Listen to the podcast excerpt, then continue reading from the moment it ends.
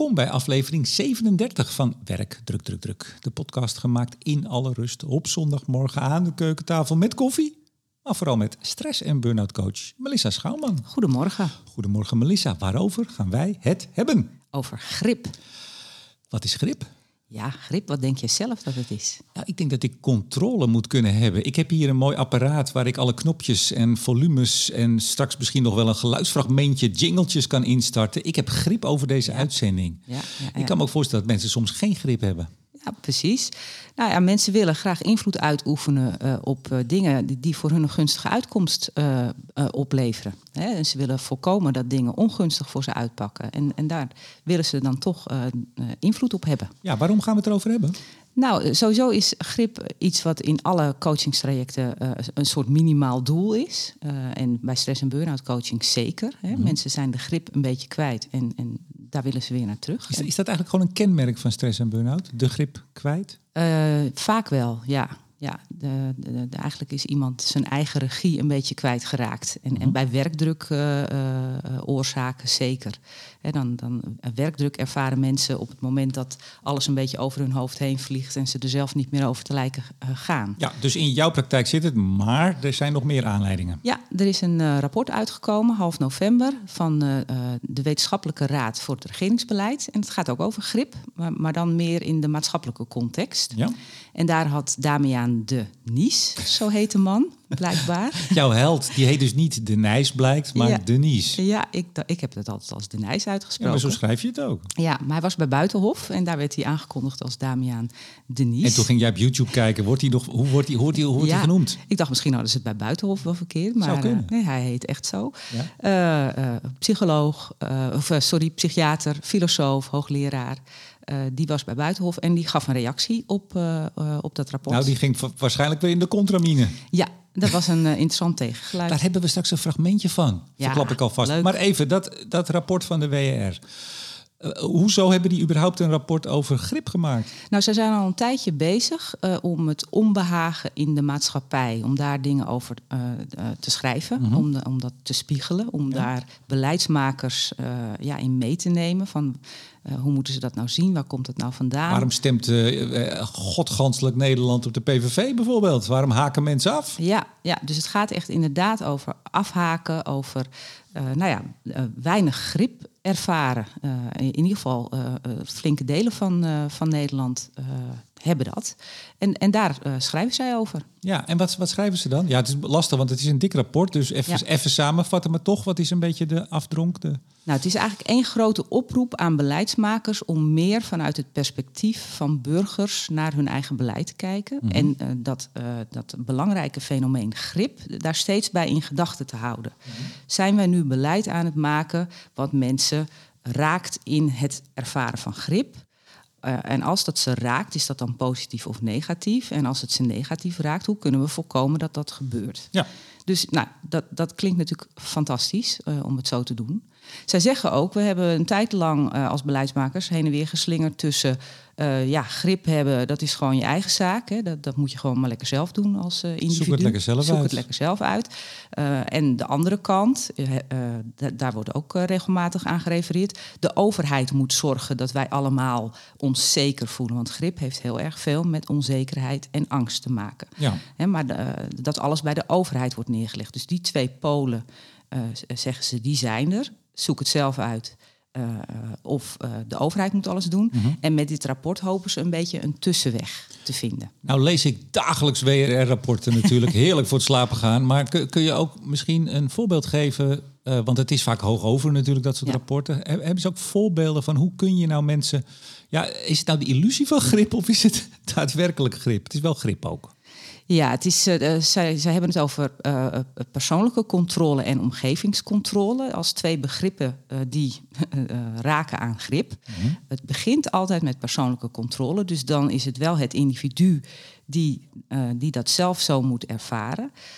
Maar dat individu wil ook invloed kunnen uitoefenen op zijn omgeving. En en hoe, eh, hoe gaat dat dan in het, in, het, in het samenspel met beleid? Voorbeelden, alstublieft. Nou, uh, directe invloed uh, als het gaat over bijvoorbeeld werksituaties. dan noemen zij, ja, mensen moeten over hun, de aanpassing van hun werkuren goed kunnen praten met hun werkgevers.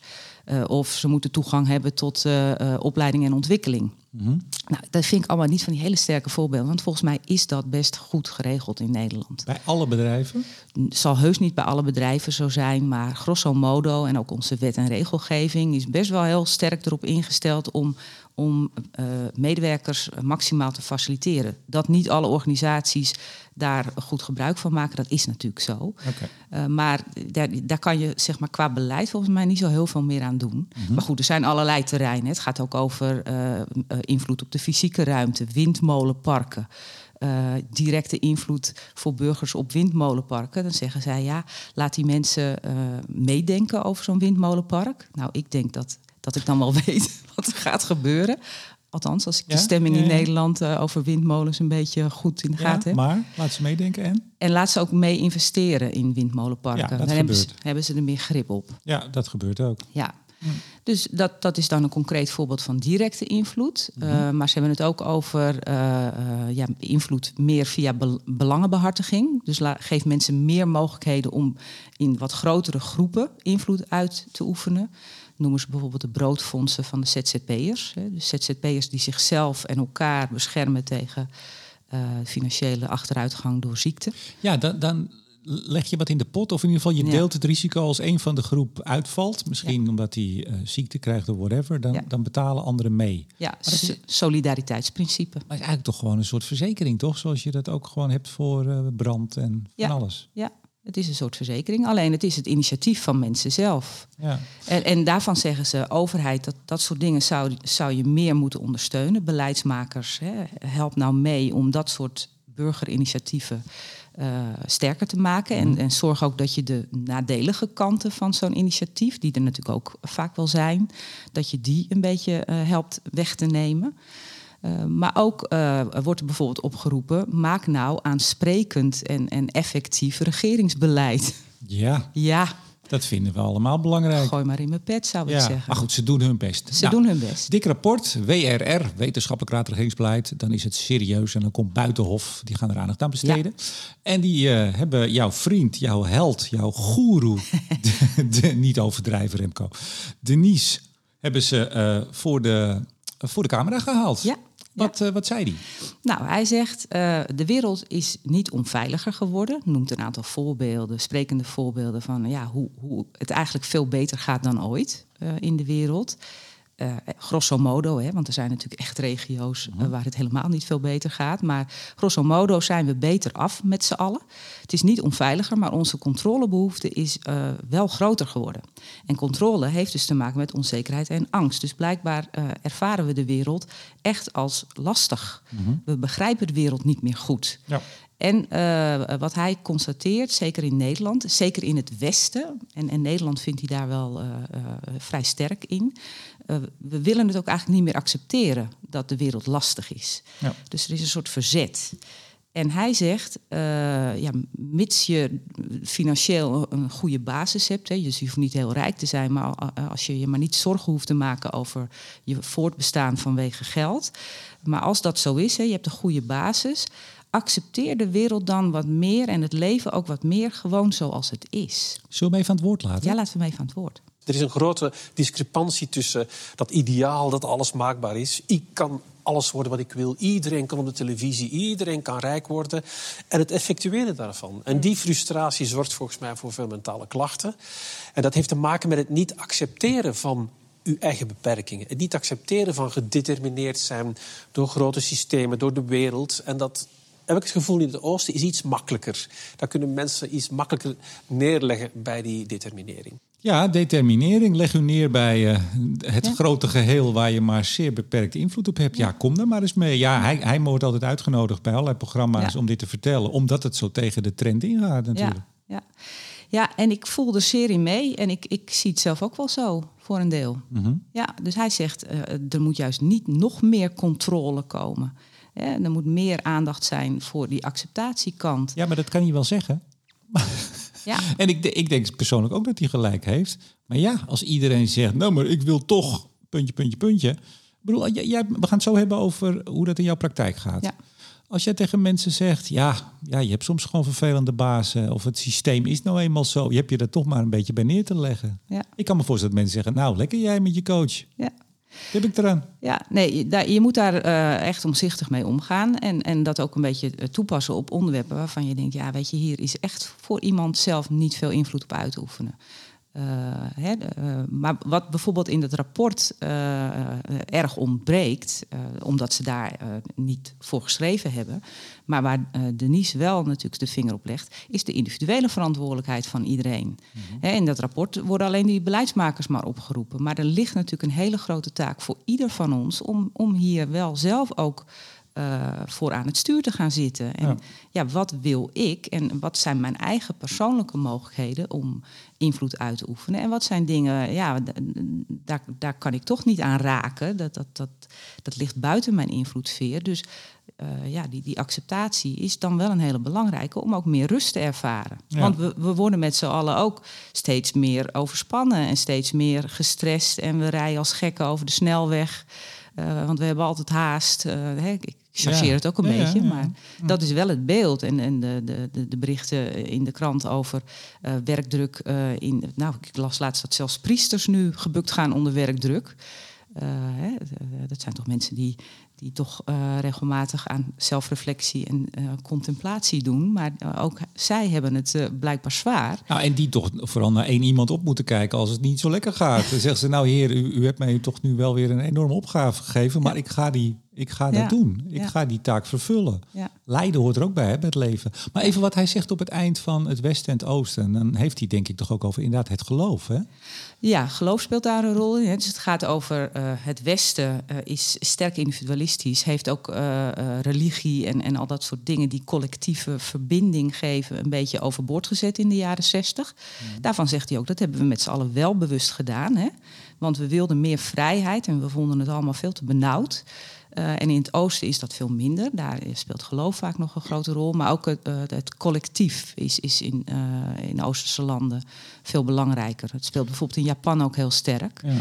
En, en daar ja, is, is dat, dat je overgeven aan, aan de groep en, en hoe het gaat, is sterker. Maar ook het geloof is natuurlijk wel een belangrijke. Want dan heeft de Heer een doel met jou. Ja. En als jij voor zware situaties komt te staan, dan is dat een beproeving en daar moet je doorheen. Hè? Je ziet wel eens bij, bij rampen in, in het, niet, niet in het Westen, dat mensen zeggen eigenlijk bijna een soort gelaten van ja, dit is de wil van God. Ja. Dus uh, uh, grip hebben in de zin van eigenlijk totaal geen grip hebben, daar, daar kun je dus ook wel goed mee wegkomen ja. als individu. Ja. ja, dat is voorbestemd. Ja. Ja, en ik zeg niet dat dat nou uh, voor iedereen de weg is. Uh, maar ik kan wel een end mee in zijn, uh, ja, zijn tegenreactie. Van ja, weet je, hij, hij waarschuwt ook een beetje overheid. Trek nou niet een nog grotere broek aan. Hè?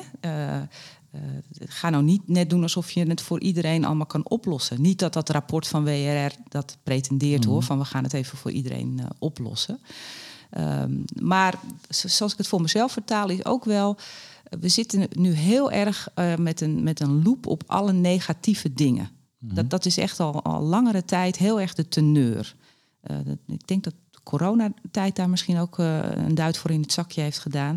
Maar we zitten heel erg van wat gaat er allemaal niet goed. En alle, alle flaws in het systeem worden feilloos blootgelegd. Mm-hmm. En er is weinig oog voor de dingen die goed gaan. Ja. Dus dat vind ik zelf, mis ik dat wel eens. Van ja, maar er zijn toch ook echt wel heel veel dingen die goed gaan. Waarom, waarom hebben we het daar niet wat vaker over? Omdat dat uh, wat goed gaat, dat nemen we, dat stoppen we in de pocket. Dat is binnen en uh, dat, daar hebben we ook recht op. We gaan nu wel een beetje in het negatieve in. We gaan zo weer lekker naar het positieve. We hebben ook leuk nieuws nog over jou. Ja, ja. Maar uh, ja, dat is toch de individualistische vragende of misschien wel eisende burger in Nederland. Ja. Wat goed gaat, nou, daar heb ik ook recht op. En zodra het niet goed gaat, dan ga ik eens even iemand aanspreken ja. die mij moet gaan helpen. Ja. We gaan, zullen we doorgaan? Ja, Want goed. We, dit is een buitengewoon boeiend onderwerp. Maar we gaan naar de werkdruk en we gaan naar de stress. Maar we gaan eerst nog even naar, ja, er is weer uh, een column verschenen. Ja. Er is een, uh, je hebt een reactie gestuurd naar het Financiële Dagblad over waar we het vorige keer over hadden. Toch de kritiek op jouw beroepsgroep. Ja. Nou, Schouwman die ging op de barricade. Ja, ik heb een, eh, een- een- voor het eerst van mijn leven een ingezonde brief gestuurd naar het Financieel Dagblad, inderdaad. Eh, ja, naar aanleiding van het artikel, eh vorig jaar hadden we het erover. Hè, een, een, de, de aankomend voorzitter van de, psychologenvereniging, die even de coaches onder de bus gooide. Ja, er was geen, geen keurmerk of nee, wat was het? Geen, Geen kwaliteitseisen, en, et cetera. Nou, geen- voor de meesten is dat ook niet, hè? Moeten we ook wel zeggen. Jij zit bij een Er clubje. is een groep waar dat inderdaad niet voor, voor geldt, maar er is een grote club waar het wel Ja, voor ik wou zeggen clubje, maar club inderdaad. Alleen die, die vertegenwoordigen op dit moment nog maar een klein deel van al die coaches. Al die mensen die zeggen dat ze eh, kunnen en willen coachen. Ja. Jij hebt een stukje geschreven of een eh, ingezonde brief. Eh, je hebt ook je column in Binnenlands Bestuur. Daar kunnen mensen ook de portée van jouw stuk nog even teruglezen. Binnenlands Bestuur. www.binnenlandsbestuur.nl .nl, ja. Denk ik. Ja. Of even googlen. Op... Virtuele rode knop heet, eh, heet de Oh. column. Ja. Oh. Kijk, waar, waar, waar, vind ik die? De knop? Ja, dat vroeg ik me ook af. Ja, want dat kwam dan weer door die jeugdzorginformatie over de, de virtuele knop die ingedrukt kan worden als de werkdruk te hoog is. Ik ben echt op zoek gegaan, letterlijk naar de knop. Is dat een, een polsband of is dat iets wat je om je nek hangt? Maar het is, eh, het is een mailtje wat je kan sturen aan de leiding van aan. bedrijf. Nou, Ja. le- lees de column even terug als je dat leuk vindt. Ander in het oog springend nieuws. Eh, CNV die heeft eh, ja, gisteren volgens mij een oproep gedaan aan organisaties om menopausebeleid in te voeren. Daar hebben we het hier wel eens over gehad. Ja, klopt. Ja, dat is al een tijdje dat dat eh, regelmatig eh oppopt. Van ja, we hebben zoveel vrouwen van een bepaalde leeftijd die eh, met overgangsklachten te maken hebben. Vaak boven de 45.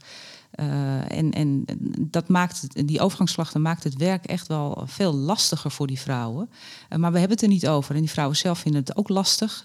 Er heerst een beetje een taboesfeer eh, rondom. En CNV heeft zoiets van, eh, nou, eh, er mag nog wel wat meer gedaan worden daaraan. Dus sowieso uit de taboesfeer halen, dat, eh, dat onderwerp. Maar zij kaarten ook aan, ja, maar 2% van de organisaties hebben een menopausebeleid. Hè, geven vrouwen letterlijk wat ruimte om, om met die klachten om te gaan en, en uh, om aanpassingen in het werk daar, daarvoor te maken. Ik, ik, moet je toch even onderbreken, want ik wil, ik wil niet dat jij gecanceld wordt. Je hebt het steeds over vrouwen van een bepaalde leeftijd en vrouwen met overgangsklachten. Ik zou heel erg uitkijken. Mm, nou ja, goed. Mensen. ja, nee, dat weet je. Hè?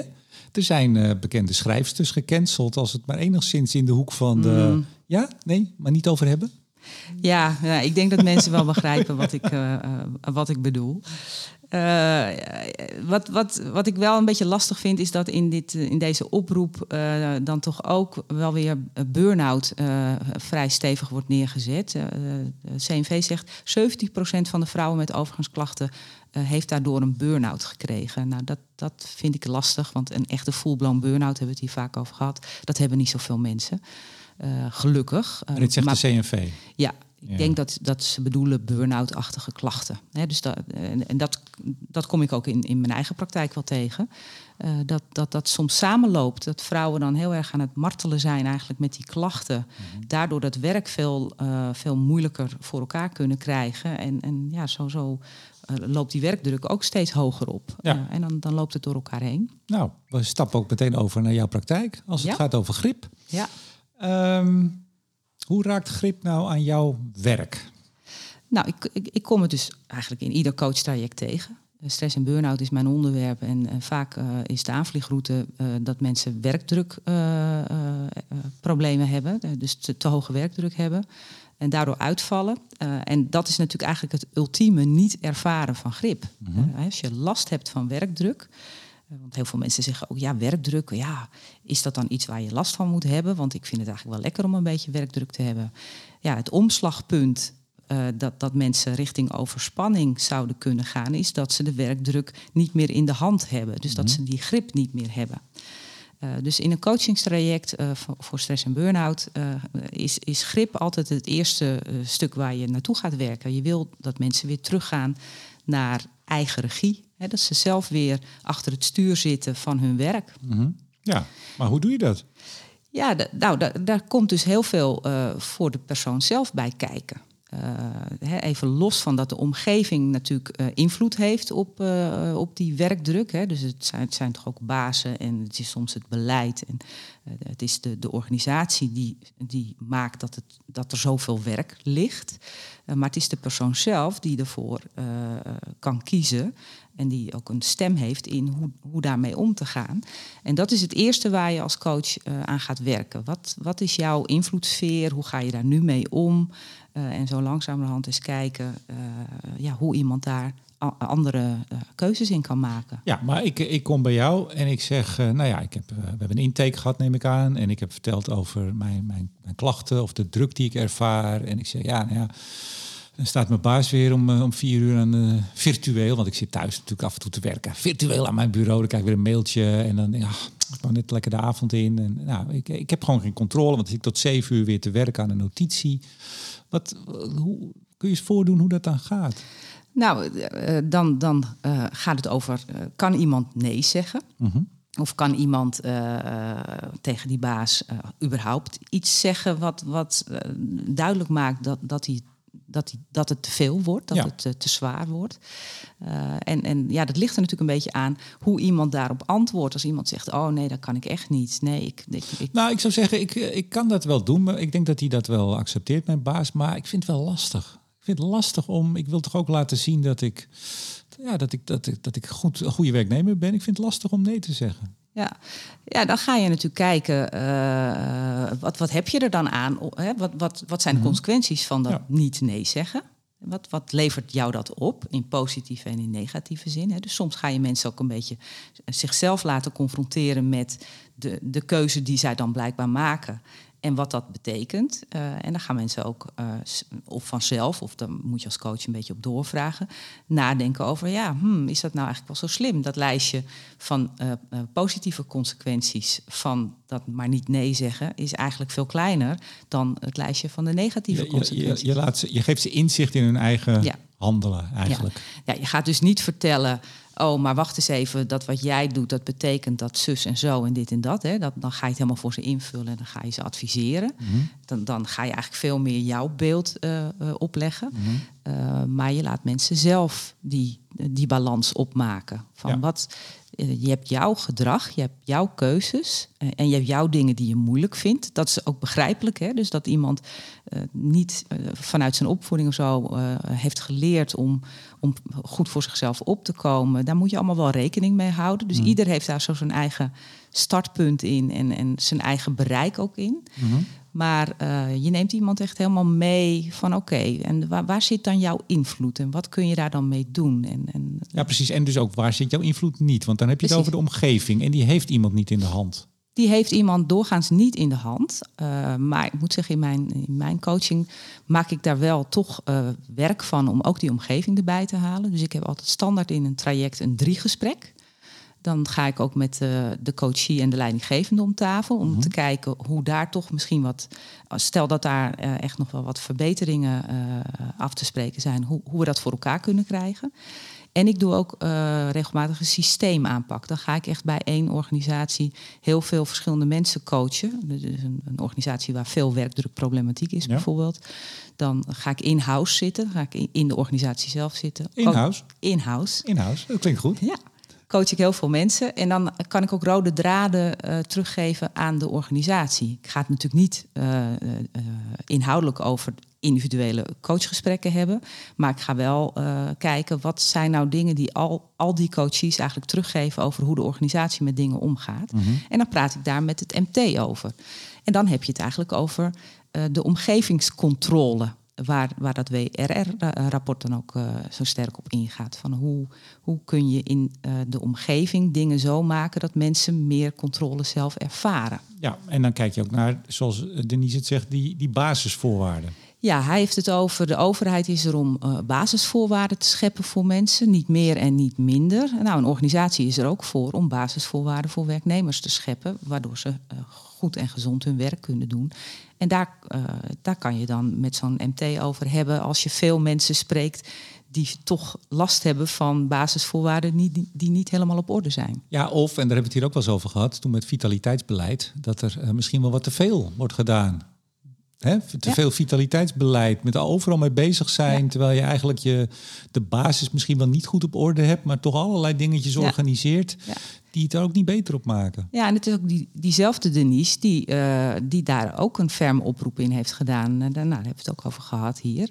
Eh, stop met al dat vitaliteitsbeleid. Hè. Werkgever hou je ook een beetje aan de dingen waar je voor bent. En, en zorg vooral inderdaad voor die basisvoorwaarden. En ga niet allemaal sportclubjes en eh, weet ik wat eh, faciliteren. Dat is aan mensen zelf. Denk je dat Denise het leuk vindt om een keer op zondag naar Amsterdam te komen, vroeg aan de keukentafel met koffie, om, om een keer gezellig mee te praten? Wat denk je? Het zou wel leuk zijn, hè? Maar ja, hij is wel, eh, hij is wel een grote hoor. Dus ik weet het niet. Ik weet, ik weet ook niet of wij dat kunnen betalen. Of wij eh, een, een portemonneetje hebben waar we, waar we gastsprekers voor kunnen eh, uitnodigen en, eh, en kunnen betalen. Nou ja, dit is jouw podcast, dus misschien moet je eens in je, mijn eigen moet je portemonneetje in je eigen portemonneetje gaan kijken. Ja. Zijn wij rond als het gaat over eh, grip? Ja, ik denk het wel. Grip Ja. is trouwens ook een term in de, in de, de rampendingen. Ja. denk ik ineens. Dat ken ik wel van mijn werk bij de gemeente Amsterdam. Grip 1, grip 2, grip 3. Nou, grip, grip 3 dan is echt... eh, dan, is, dan staat de hele stad in de fik. Maar, eh, maar dat is een afkorting, geloof ik, hè? Is iets heel anders. ik weet niet waar het voor staat, maar ik weet wel dat eh, bij de afdeling waar ik werkte, daar zit een nazorgteam. Dat is er nog steeds volgens mij. Als er Mhm. een crisis in de stad is, dan zijn zij niet de eerste die naar de crisis toe gaan.